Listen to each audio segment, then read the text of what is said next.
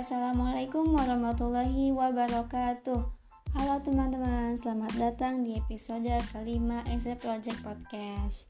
Teman-teman masih semangat kan dalam menambah insight atau wawasan baru? Pastinya dong.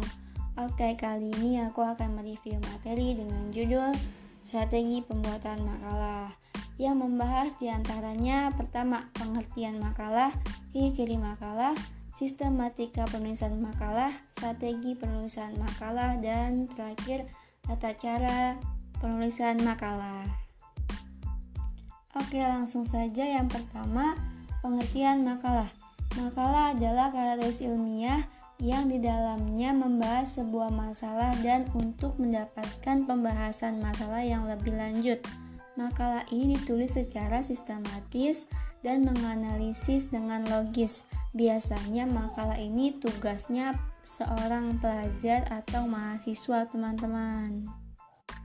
Yang kedua, pembahasan tentang ciri-ciri makalah. Yang pertama, makalah itu data yang digunakan mempunyai validitas yang tinggi dan analisis serta interpretasi harus objektif. Yang kedua, makalah harus mampu menunjukkan kejujuran, kejujuran ilmiah penulis. Yang ketiga, makalah harus menggunakan bahasa yang jelas, singkat, sederhana, dan teliti. Yang keempat, makalah harus sistematis dan utuh. Oke, kita masuk ke sistem penulisan makalah. Yang pertama ada cover. Cover itu isinya apa aja sih? Yang pertama ada judul makalah, tujuan pembuatan makalah, lambang universitas, nama dosen pengampu mata kuliah, nama anggota kelompok penulis makalah, nama prodi atau jurusan, nama fakultas, nama univ, kota, dan tahun. Yang kedua ada kata pengantar. Kata pengantar di sini itu isinya ucapan syukur, terima kasih penulis, dan diakhiri tanda tangan penulis makalah. Yang ketiga ada daftar isi yang berisikan judul dan nomor halaman setiap uraian yang ada di makalah.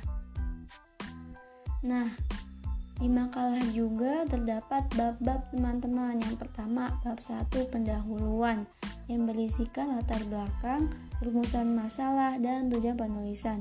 Yang kedua, bab bab kedua yaitu pembahasan yang berisi penelitian tentang ilmu ataupun teori yang sudah pernah dibahas oleh para ahli yang berkaitan dengan tema makalah yang dipilih. Nah, bab ketiga ini isinya penutup, yaitu kesimpulan dan saran. Dan ada daftar pusaka, pustaka yang berisi seluruh sumber yang digunakan dalam pembuatan makalah teman-teman. Oke, pembahasan ketiga tentang strategi penulisan makalah. Yang pertama ada persiapan. Pada tahap ini persiapan terdapat beberapa hal yang diperhatikan. Yang pertama, mengumpulkan referensi, membaca referensi dan mengembangkan kerangka makalah. Yang kedua, penulisan, yaitu melalui mengkaji berbagai referensi memperhatikan teknik penulisan dalam penyajian makalah dan menguraikan inti sari pemahaman. Yang ketiga, ada strategi pemeriksaan hasil tulisan. Pada tahap ini, penulis melakukan pemeriksaan isi makalah terkait dengan ejaan, penggunaan kata, kalimat, dan bahkan tanda baca sesuai dengan kaidah bahasa Indonesia yang baik dan benar, teman-teman.